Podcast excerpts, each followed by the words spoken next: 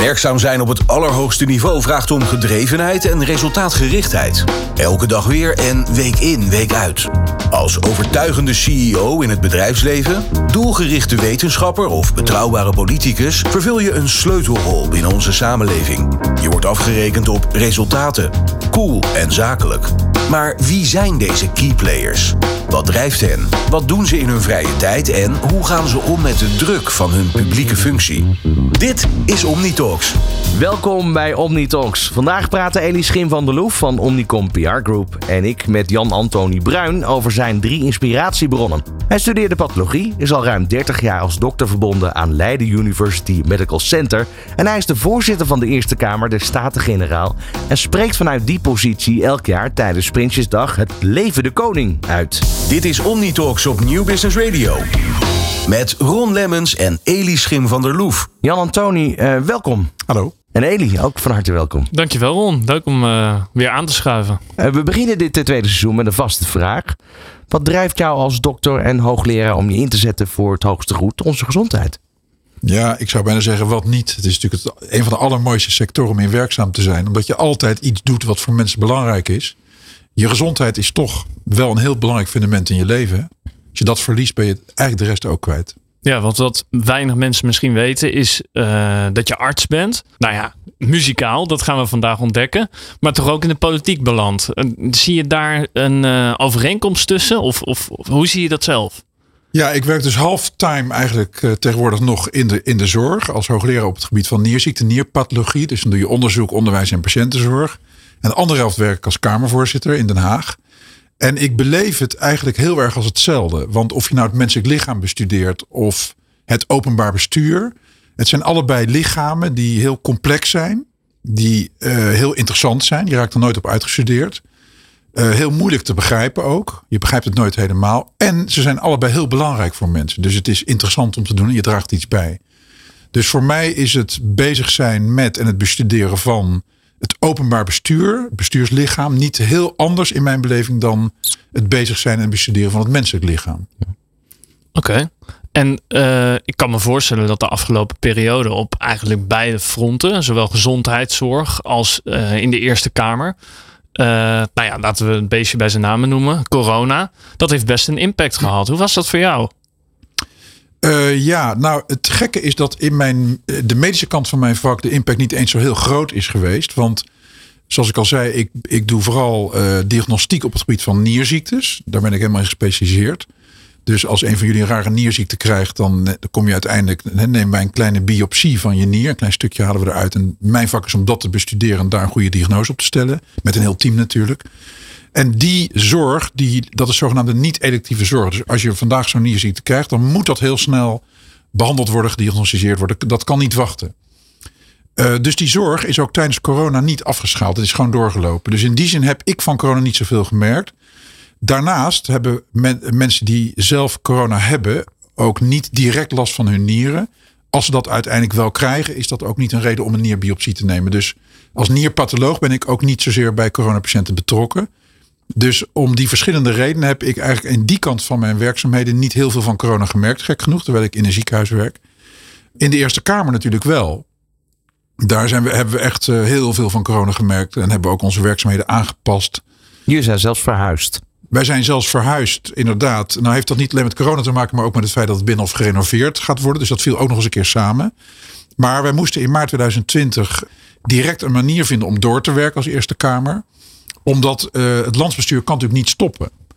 Sterker nog, het werd ook nog wel intenser, omdat er heel veel spoedwetgeving aankwam. En dat is ook zo gebleven tot nu toe. Die juist met corona te maken heeft. Hele grote budgetten bijvoorbeeld, die moesten worden vrijgespeeld. Nou, dat zijn allemaal aanvullende begrotingen.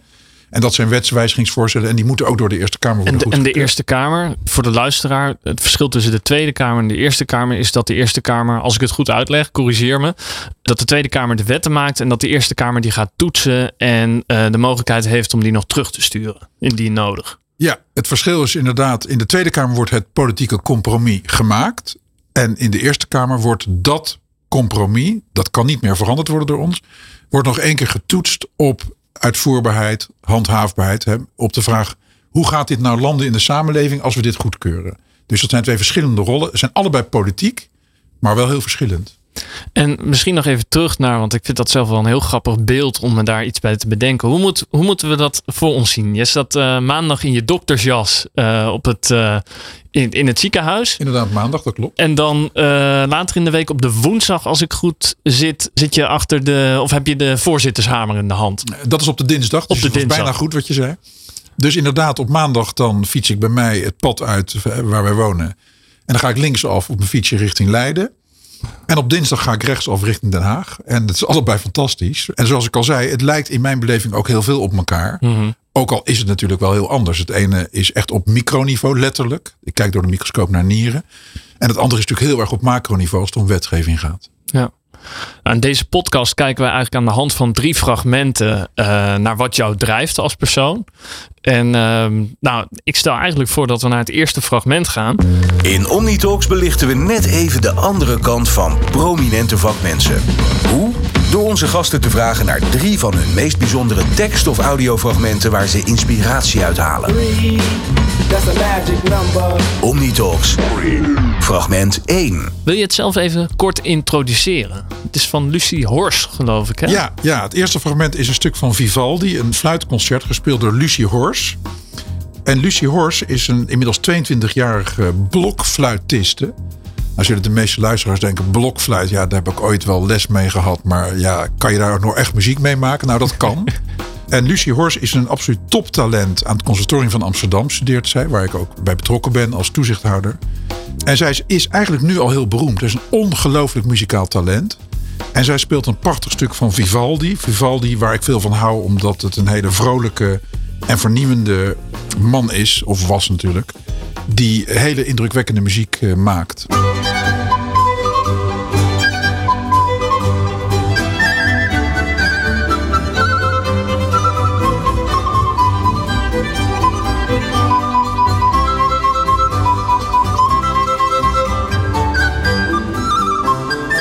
Nou, Elie, jij kan het niet helemaal goed zien, maar ik heb ook eh, beeld erbij. En dan zie je eigenlijk dat je denkt van, oh, is dat blokfluiten? Toch? daar komt er wel een beetje op neer. Nou, dat denk je inderdaad als je dit ziet. dit is natuurlijk uh, ongelooflijk knap wat hier gebeurt. Uh, dit lijkt misschien makkelijk, maar dit vergt jaren, jaren, jaren studie. En dit is dus een, een 22-jarig toptalent in Nederland die dit zomaar even neerzet. En daar heb ik zoveel respect voor. En dat verdient ook zoveel aandacht. Kunstenaars hebben het ook moeilijk, hè? zeker nu in corona. En ehm, in haar wil ik eigenlijk ook al die jonge lui eren. Die een kunststudie doen, die kunst maken in de meest brede zin. En die ook echt aan de kwaliteit van ons leven dus een hele belangrijke bijdrage hebben. En wanneer zet je, nou, we hebben net geluisterd. Op wat voor moment zet je deze op? Nou, liefst als ik in de auto zit. Uh, want dan kan ik me heerlijk ontspannen met die muziek. Dan heb je ook tijd om er naar te luisteren. Uh, tijd is een schaars goed in uh, vele levens, ook in mijn leven. Dus vaak in de auto. En ga je dan juist wat harder of misschien zelfs wel wat zachter rijden door deze muziek? Nou, ik probeer me altijd aan de snelheid te houden. Want zeker als Kamervoorzitter is het niet handig om daar een, een overtreding te begaan. Dus op mijn snelheid heeft het geen effect. Oké. Maar op je humeur? Ja, ik kan hier wel heel vrolijk van worden. Uh, überhaupt van muziek. De, de, we gaan straks een stukje van Bach luisteren. Nou, ik zeg altijd, Bach zet je leven een beetje op een rijtje. Als je wel eens een beetje in de war bent of je denkt aan te veel dingen tegelijk of je hebt problemen. Dan kan je door muziek daar echt wel uitgetrokken worden. Zet dit het ook op een rijtje of wat doet dit dan specifiek voor jou? Nou, ik vind dit stuk um, van Vivaldi vind ik uh, heel, levenslustig, uh, heel levenslustig. En Vivaldi was ook een levenslustige man. Hij genoot ook van het componeren. En daar stond hij ook onbekend. En ja, zijn muziek is dus heel vrolijk, levenslustig. En dat vind ik fijn om daar dan ook uh, plezier aan te ontlenen. Nou, over dat vrolijk sprekende, waar wij erg vrolijk van werden, was de politieke eind uh, show die we terugzagen. Waarin jij uh, het uh, politieke vlogtrio rooste. Voor de mensen die daar iets minder van afweten. Nou, drie journalisten die de parlementaire verslaggeving doen. Je hebt ook humor.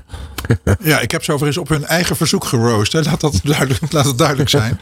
Maar dat was een heel mooi moment. Ze hebben het in ieder geval geloof ik gewaardeerd. En wanneer weet je dat je, dat je zoiets hebt? Is dat ook handig in je rol als voorzitter? Humor is denk ik een heel belangrijk instrument. Ik wou, ik wou bijna zeggen wapen, maar laten we, laten we het instrument Nou ja, noemen. misschien in sommige gevallen wel, toch? Het is niet van manier om de zaak te ontspannen. Ja. Ik ben ook wel eens formateur geweest in Rotterdam. En uh, toen heb ik halverwege eh, heb ik voor de dames en heren van zes fracties die daar aan het, uh, met elkaar ook een robbertje aan het vechten waren twee weken lang. Heb ik halverwege een verrassingscabaretje opgevoerd. En heb ik hun zelf eigenlijk nagedaan. En dan merk je dat dat heel goed helpt. Dus het is een eenvoudig instrument waar je veel mee kan bereiken soms als het lukt. Dat zie ik Remkes nog niet zo snel doen. Nou, Remkes is, ik ken hem toevallig goed, Johan Remkes. Als er iemand veel humor heeft, dan is het Johan Remkes. Maar je weet het wel zo naar te verpakken, ook als echte Noorderling, dat je er wel even doorheen moet kijken. Dus je moet misschien wat vaker naar hem kijken om het te ontdekken. Maar als iemand veel humor heeft, is het Johan Remkes. Nou, dan ga ik dat zeker doen. Ja. Zijn er dan ook cabaretiers die je buitengewoon grappig vindt of waar je naar kijkt? Ja, voor mij is een rolmodel Toon Hermans. Dat vind ik echt een enorme grootheid in de cabaretgeschiedenis van Nederland. Als je kijkt naar zijn timing, naar zijn uh, diepgang, um, maar ook wel weer oppervlakkigheid. Hè? Eigenlijk diepgang in oppervlakkigheid. Hij, hij maakt bijvoorbeeld nooit grappen ten koste van iemand. Ten koste van een politicus of ten koste van een ander. Het zijn altijd ogenschijnlijk eenvoudige thema's. Waar hij op zijn manier diepgang in weet te brengen. En, tijdloos? Ja, vind, vind ik tijdloos. Maar goed, het is natuurlijk een vorm van kunst. En ja, bij kunst uh, is het in the eye of the beholder. Het is natuurlijk de, de toeschouwer die er iets van vindt. En bij kunst kunnen bij uitstek de meningen verschillen. Maar ik vind hem een grootheid. Vlug je ook nog wel eens in boeken? Lees je veel? Uh, ik lees wel veel. Uh, maar vooral wetsvoorstellen, helaas. maar, maar ik heb heel eerlijk gezegd weinig tijd voor boeken om te lezen. Dat is jammer, maar je kan niet alles. En zo'n wetsvoorstel, dat is wel iets anders dan een boek. Nou, het zijn vaak wel, ze zijn vaak wel even dik als boeken. Een soort boeken ook. Maar het is natuurlijk hele boeiende uh, literatuur of lectuur om te lezen. Als je het zo mag noemen. Omdat het wel gaat over ons leven. Je moet je voorstellen uit een gemiddeld regeerakkoord. Het, het, het programma van de regering, wat nu ook weer begint met een nieuw kabinet. Dat vertaalt zich meestal in zo'n 2 à 300 wetswijzigingsvoorstellen per jaar. We noemen het wetsvoorstellen, maar het zijn eigenlijk wetswijzigingsvoorstellen per jaar. Er komen weinig nieuwe wetten bij. En dat gaat over van alles. Dat gaat over eigenlijk alles wat we in ons leven doen en waar we mee te maken hebben.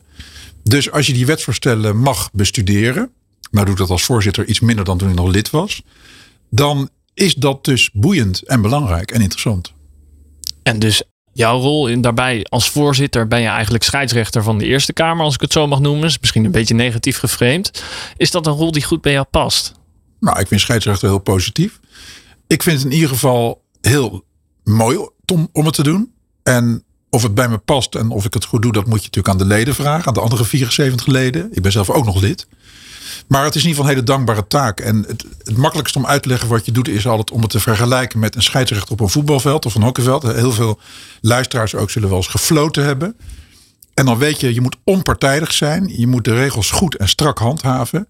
Um, en daar mag ook geen twijfel over zijn. Wat we net zagen bij de Formule 1 uh, eh, laatste finale. Hè, toen was er wat twijfel over de beslissing van de jury over een bepaalde, uh, bepaalde handeling daar op, de, op, die, op die racebaan.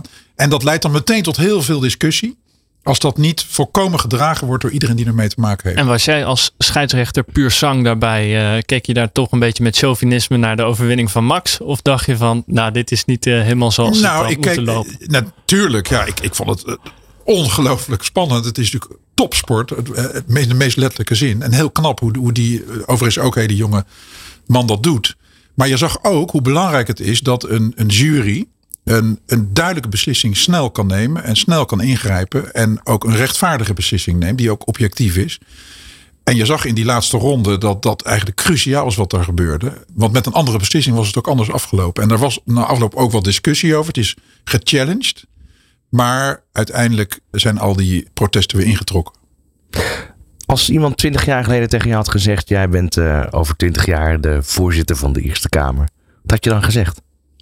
Twintig jaar geleden? Nou, dan had ik waarschijnlijk gezegd: uh, um, Bedankt voor de informatie. ik had er verder niet zoveel mee gedaan. Ik was toen al wel actief in de politiek. Um, niet in een politiek vertegenwoordigend orgaan, dus een gemeenteraad of een, of een Tweede Kamer. Omdat mijn hoofdfunctie als dokter in het ziekenhuis heb ik nooit willen verlaten. Dus ik deed dat eigenlijk daarnaast. Maar uh, de voorspelling dat ik toen überhaupt in de Eerste Kamer zou zitten, laat staan dat ik daar voorzitter van was, had ik waarschijnlijk niet geloofd op dat moment. Dus het is je overkomen? Nee, ik heb mezelf wel gekandideerd uiteindelijk voor de Eerste Kamer. Maar dat was veel korter dan twintig jaar geleden. Dat was in 2012. Um, en uiteindelijk heb ik ook mezelf gekandideerd voor het voorzitterschap. Anders word je dat in ieder geval niet. Dus eh, je kan niet, kan niet beweren dat het me overkomen. Maar waar kwam die trigger vandaan? Um, om voorzitter te worden. Ja, ik was op een gegeven moment een jaar of zes lid van de Eerste Kamer. En dan komt zo'n vacature voor het voorzitterschap eraan. En dan kan ieder lid zich na, nadenken van wil ik misschien wel voorzitter worden. Uh, dus daar ben ik dan over na gaan denken. En dan denk ik, ja, dat is toch ook wel een prachtige functie om dat te mogen doen. Het is voor een periode van vier jaar. Um, en dan praat je eens met wat mensen en dan word je gestimuleerd ook om het te doen. En dan kandideer je en dan tot je stomme verbazing word je ook nog verkozen. Wat ik natuurlijk fantastisch vond. Misschien terug uh, naar de muziek, naar je tweede fragment. Omnitalks, fragment 2. Je noemde hem al even, Johann Sebastian Bach. Ben jij er nog iets aan toevoegen of gaan we gewoon meteen luisteren? Ja, alles wat je toevoegt aan de naam Bach doet er eigenlijk aan af. Ik vind het een dermate ongelooflijke grootheid uh, in wat hij gecomponeerd heeft, in wat hij heeft achtergelaten, in de samengebalde emotie en kennis en wiskunde en, en alles wat je maar kan verzinnen in muziek. Eigenlijk onovertroffen als componist in de geschiedenis. Dat ik uh, daar verder niks aan toe te voegen heb.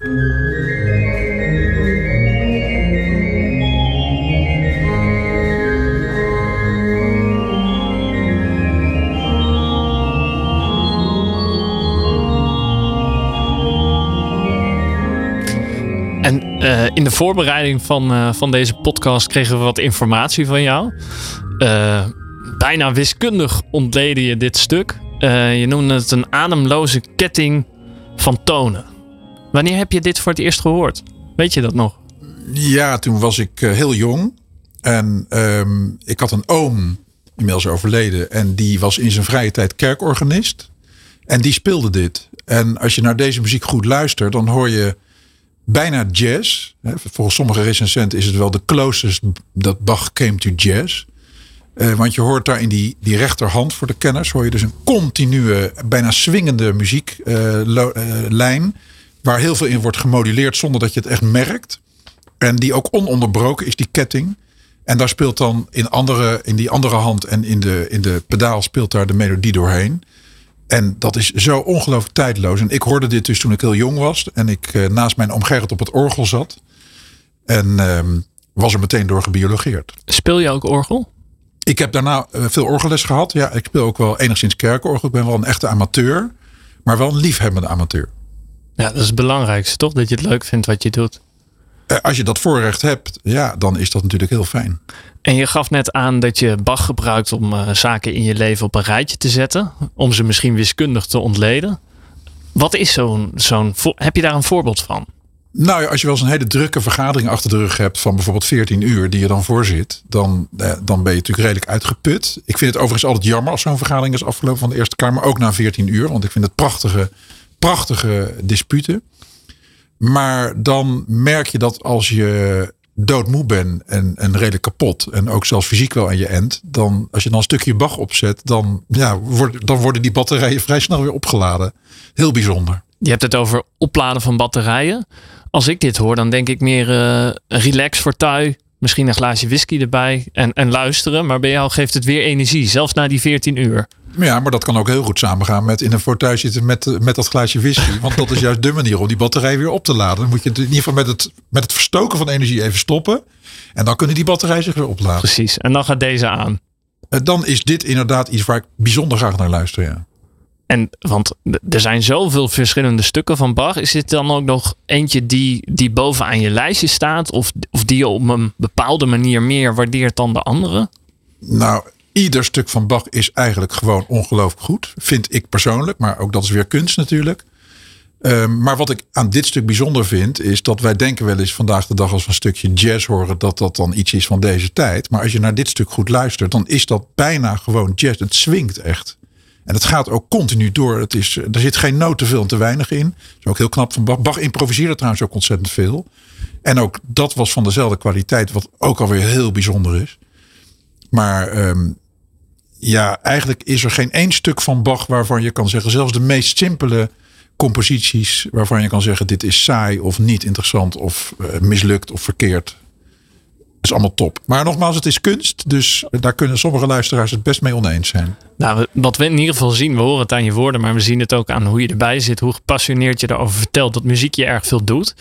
Sterker nog, wij begrepen dat je mede door de muziek een beetje in, uh, in de politiek bent gerold. Toen je achter de piano zat. Kan je daar wat over vertellen? Ja, dat klopt. Toen ik student was, toen uh, zat ik niet alleen naast mijn oom Gerrit op het orgel, maar ik verdiende ook 100 gulden, zo lang geleden is dat ik student was, per uur. En gratis bier en sigaren verdiende ik door piano te spelen bij borrels en partijen als student. En dat was mijn, waren mijn neveninkomsten. En ik zat een keer eh, te spelen. Soms speelde ik wel vijf uur achter elkaar. Iedere keer dezelfde liedjes. Maar mensen hoorden dat niet. Want die stonden natuurlijk allemaal te borrelen. en um, op, een, op een keer stond er iemand bij die piano. En die zei. Joh, je moet eens een keer mee naar, naar een politieke bijeenkomst van, van, van, uh, van, van een club. Nou, ik, ik mee. En toen kwam ik ergens op een rokerig zaaltje boven een kroeg. En daar zaten een paar mensen ruzie te maken over hondenpoep en lantaarnpalen. En in het begin dacht ik nog even, wat doe ik hier? Maar dat was snel voorbij. Zoals met alles wat interessant is. En ja, als je dan daar één keer iets zegt in zo'n politieke partij, dan mag je meteen meedoen. Dan word je lid van een commissie. Als je nog iets zegt, word je voorzitter van zo'n commissie. Want zo, zoveel kansen zijn er in politieke partijen. En voor je het weet ben je voorzitter van de Eerste Kamer. ja, dat heeft wel even, dat heeft van een jaar of dertig geduurd. Maar ik doe dat dus inmiddels al, al ruim 30 jaar. En ik kan iedereen aanraden die luistert om toch te overwegen om actief te worden in een politieke partij. Ik heb ook wel eens dingen gedaan waar ik, hè, toen ik heel weinig tijd had in, in, in, het begin van mijn werkzame leven. Uh, bijvoorbeeld een partijcommissie onderwijs was ik voorzitter van. Nou, die vergaderde drie keer per jaar. Dus dat kostte mij drie avonden per jaar, niet meer. Dus het hoeft helemaal niet veel tijd te kosten. Maar op die manier iets bijdragen aan het algemeen belang, aan het openbaar bestuur, hè, aan de parlementaire democratie. Ja, dat is zo fantastisch en zo zingevend en zo interessant. En het is, heel, het is een heel klein stapje om het te gaan doen. Iedereen die nu luistert en die, die vandaag of morgen nog naar zijn politieke partij stapt, welke dat ook is, zal daar uh, met open deur binnengehaald worden en kan meteen aan de slag. En het hoeft niet veel tijd te kosten en het is altijd interessant. En het is ook belangrijk dat mensen het doen. Want de hele democratie berust op politieke partijen. En die berusten weer voor een heel groot deel op vrijwilligerswerk. Hè, op enthousiastelingen die het doen. Wat ik dus ook al 30 jaar doe.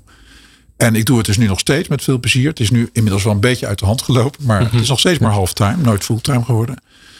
En dat is ongelooflijk belangrijk dat mensen dit ook echt doen. En vooral jonge mensen. Want het idee is wel eens, heb ik het idee, dat mensen in de politiek die staan ver weg van de gewone samenleving. Dat zijn geen gewone mensen. Nou, dat is precies de reden dat we deze podcast doen. Om mensen te laten zien van nou, er zitten mensen achter elke politicus. Maar denk je dat ook dat dat een manier is om de kloof tussen samenleving en politiek wat kleiner te maken? Nou, de beste manier als, als iemand die luistert denkt, wat is er toch een kloof tussen mij en de politiek? De beste manier om dat te overbruggen is zelf die kloof te overbruggen. En dat kan heel makkelijk door je vandaag nog te melden bij je politieke partij en daar actief te worden. En dat hoeft niet veel tijd te kosten. Dus veel ingewikkelder dan dat is het niet. Maar natuurlijk heb je ook gelijk. De hele, het hele openbaar bestuur berust natuurlijk op vertrouwen. De mensen die in een gemeente of in een provincie of in het land, in Den Haag of in Europa namens ons de beslissingen nemen. Bijvoorbeeld rood is stoppen en groen is doorrijden. Voor voorbeeld van zo'n beslissing. Hadden ze ook omgekeerd kunnen nemen, die beslissing. Dat zijn gewoon mensen zoals wij, die ons vertegenwoordigen. En die zitten in zo'n parlement. Het woord zegt het al. Daar doe je dus met woorden, met praten. Hè? Parley, parlement. Probeer tot beslissingen te komen. Vroeger ging dat met de vuist. Hè, in de middeleeuwen. Nu gaat het dus met woorden. En dat is een groot goed. Maar dat berust wel op vertrouwen, zoals je zegt. En dat is dus kwetsbaar. Dus daar moeten we elke dag aan werk aan het vertrouwen. Dat, daar probeer ik dan ook een steentje aan bij te dragen. Door bijvoorbeeld deze podcast in te spreken. En laten zien wat we doen en wie, en wie ik ben. Maar de mensen die daar kritiek op hebben, zou ik ook willen zeggen. Je kunt ook zelf die stap naar voren zetten over die kloof. En gaan deelnemen. Ja, neem het initiatief. Ik, ben even benieuwd naar die, die, beginperiode. Dat je als jong broekie denkt van nou, ik ga me aansluiten bij zo'n politieke partij. Dat je ook wel kijkt naar de politici van destijds. Uh, van hoe doen zij het? Wie, wie waren je voorbeelden? Nou, in die tijd had je natuurlijk Bolkestein en je had uh, nog daarvoor nog Den El. En ja, je had natuurlijk ontzettend veel politici. Ik, ik keek altijd op zondag naar het programma Buitenhof. Dat heette toen nog Het Capitool. Begon trouwens ook met een heel mooi stuk muziek van Mozart. Die plaat heb ik toen nog ergens opgezocht en gekocht. En ja, die mensen, daar neem je natuurlijk ook een voorbeeld aan. En met je toestemming wil ik eigenlijk uh, naar het derde en laatste fragment. Omnitalks. Fragment 3. Wat ik wel leuk vond, bij het begin van de opname begon je daar meteen over. Dus ik wil niet zeggen, ik heb, misschien zit er geen rangorde, maar het lijkt er wel op dat je het beste voor het laatste hebt bewaard. Klopt dat een beetje? Nou, ik zou Vivaldi en Bach niet op die manier wel afserveren. dus uh, nee. Het is ook wel een beetje appels met peren vergelijken, toch? Nou, nou ja, uh, Bach zit dus heel dicht bij jazz, als we gezien hebben. En Vivaldi is heel vrolijk. En dat komt wel samen in waar we nu naar gaan luisteren. Het is een samenballing van beide. Ja, misschien wel, ja. If will flow, flesh and steel are one, drying in the colors of the evening sun. Tomorrow's rain will wash the stains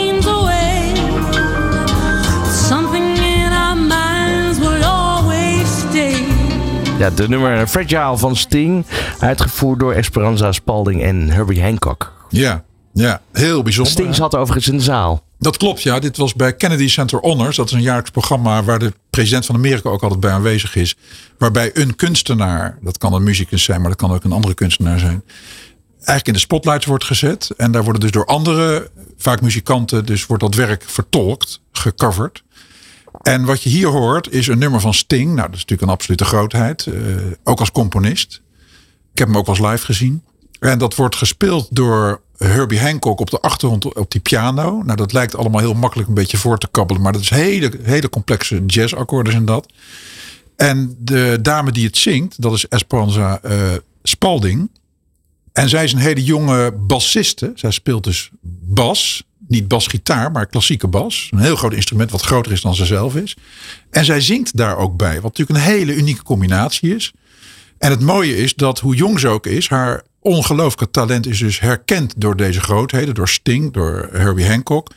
En, en Herbie speelt dus met haar een nummer van Sting. En dat vind ik in die zin ook heel symbolisch. Dat wij moeten dus jongeren altijd een kans geven. En altijd herkennen in hun kwaliteiten. Of het nou om de wetenschap gaat, of de cultuur, de muziek of in de politiek. En we moeten jongeren ook betrekken en ze ruimte geven. En dat zie je hier dus gebeuren.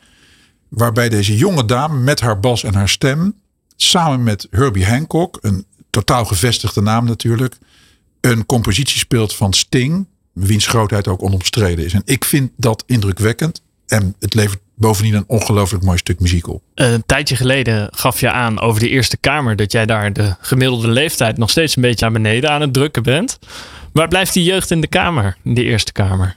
Uh, nou, inmiddels is dat niet meer zo. Maar je hebt je huiswerk goed gedaan. Dat klopt. het was twee jaar geleden. Nee, ik hou dat niet precies bij. Maar Kijk, in de Eerste Kamer, um, waar overigens ook wel eens twintigers lid van zijn geweest. En waarin we ook nu nog steeds dertigers hebben. Dus die, die leeftijdspreiding is er wel. Maar wij worden geacht om wetsvoorstellen te evalueren, te bekijken, de kwaliteit ervan, vanuit de samenleving. Dus wij moeten voorspellen, hoe gaat dit wetswijzigingsvoorstel nou straks landen? En dan is het heel belangrijk dat je niet alleen vier dagen per week in het land ook iets anders aan het doen ben. Dus de Eerste Kamer is maar een part-time functie. We zijn geen fulltime politici. Maar daar is levenservaring vaak ook heel goed bij. Dat je veel dingen meegemaakt hebt, zodat je, hè, wat je ook helpt bij het voorspellen van hoe iets landt in de samenleving. En daarom is het ook heel begrijpelijk dat politieke partijen, daar zijn ze weer, die mensen op een lijst zetten voor de Eerste Kamer, dat ze daar andere criteria hanteren dan wanneer ze een lijst maken voor de Tweede Kamer. En dat je dan bijvoorbeeld vaak op een wat oudere leeftijd uitkomt vind ik heel logisch, omdat levenservaring, ervaring in allerlei sectoren in de samenleving, je helpt bij het beoordelen, bij, het, bij het beantwoorden van de vraag: hoe gaat deze wetswijziging nou straks landen in de samenleving? En dat moeten we 250 keer per jaar doen. Dus dat is high throughput.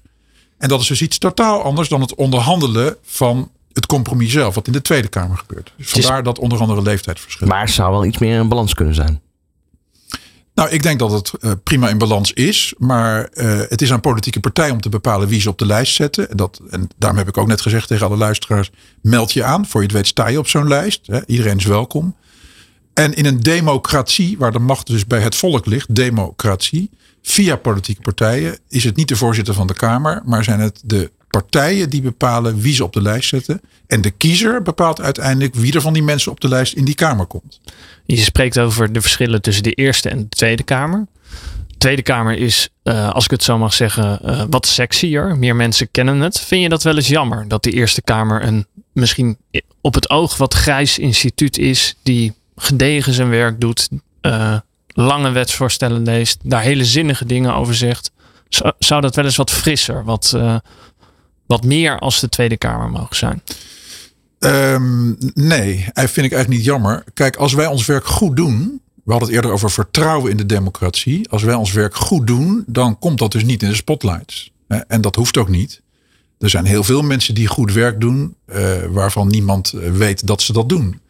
Dus de bekendheid van je instituut en van je werk is niet per se een graadmeter voor de kwaliteit ervan het politieke primaat ligt in de Tweede Kamer. Daar wordt dus rechtstreeks de belangen van de mensen worden vertolkt in een, een, een gevecht eigenlijk om, een, om een totstandkoming van een compromis. Dus daar kijkt iedereen naar. Bij ons gaat het echt om die kwaliteitstoets. En het is mijn visie dat als wij ons werk goed doen, dat dat dan hopelijk leidt tot vertrouwen. En als er vertrouwen is, dan zal de samenleving ook niet de hele dag gaan kijken wat je daar doet.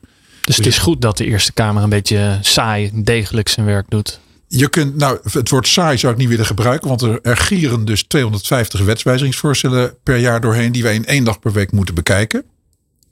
Mogen bekijken, want ik vind het een voorrecht. Dus het woord saai schiet me in ieder geval helemaal nooit te binnen. Het is echt veel werk, het is dynamisch en het is belangrijk. Maar dat daar niet elke dag de pers naar kijkt, vind ik eerder een teken van vertrouwen vanuit de samenleving dan van wantrouwen. Jullie zijn eigenlijk het geweten van Nederland. Wij zijn een instituut dat kwaliteit van wetten moet toetsen. En dat is belangrijk werk. En uh, dat doen we dus met veel plezier. Mm -hmm. Dan uh, nam jij ook nog een boek mee. En je trakteerde ons uh, op een prachtig citaat daaruit. het is van Leo Vrooman, biologisch wetenschapper, een bekend dichter. Kan jij hem een stukje van voorlezen? Ja, Leo Vrooman is gewoon een geweldige dichter. Die inderdaad bioloog was en wetenschapper. Maar ook poëet. Dus daar zie je weer het grensvlak van kunst en wetenschap. En Leo Vrooman die heeft onder andere een gedicht geschreven in zijn. Um, ik heb het in ieder geval hier in een, um, in een boek van hem. Dat heet 126 gedichten. Hij heeft er zelf een voorwoord in geschreven. Want toen ik 17 was, was ik op een dichtersavond. had ik dit boek bij me. En zei meneer Vrooman, wilt u er iets inzetten? Dat heeft hij ook gedaan. Ontzettend aardig. En een van die gedichten eindigt met een zogenaamde moraal. Dat zijn maar twee regels.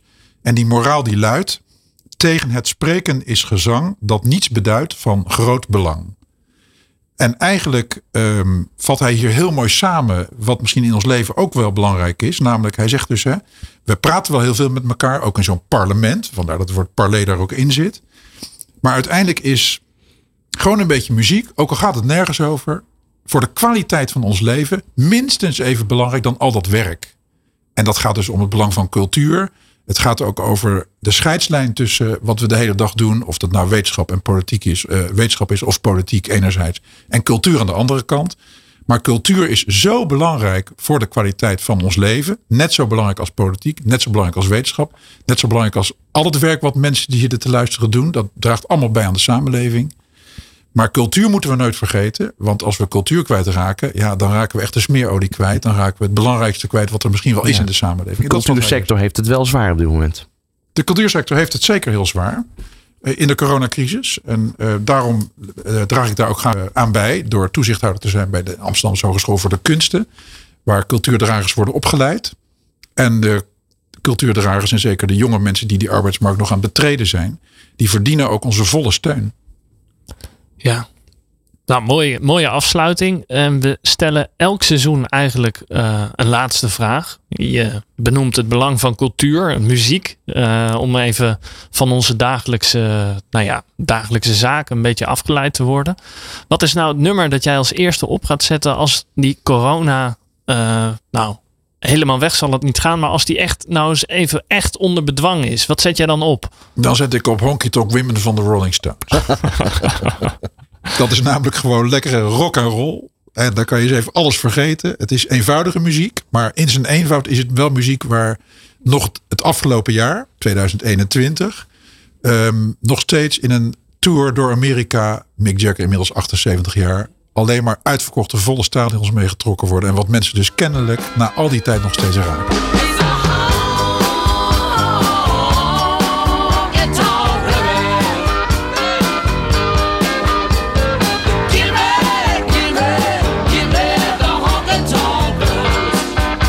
Jan Antoni, het was voor mij een genoegen om je te spreken, om je beter te leren kennen aan de hand van deze fragmenten. Voor mij ook. Hartstikke bedankt. En voor mij ook. Bedankt voor het luisteren naar Omnitalks.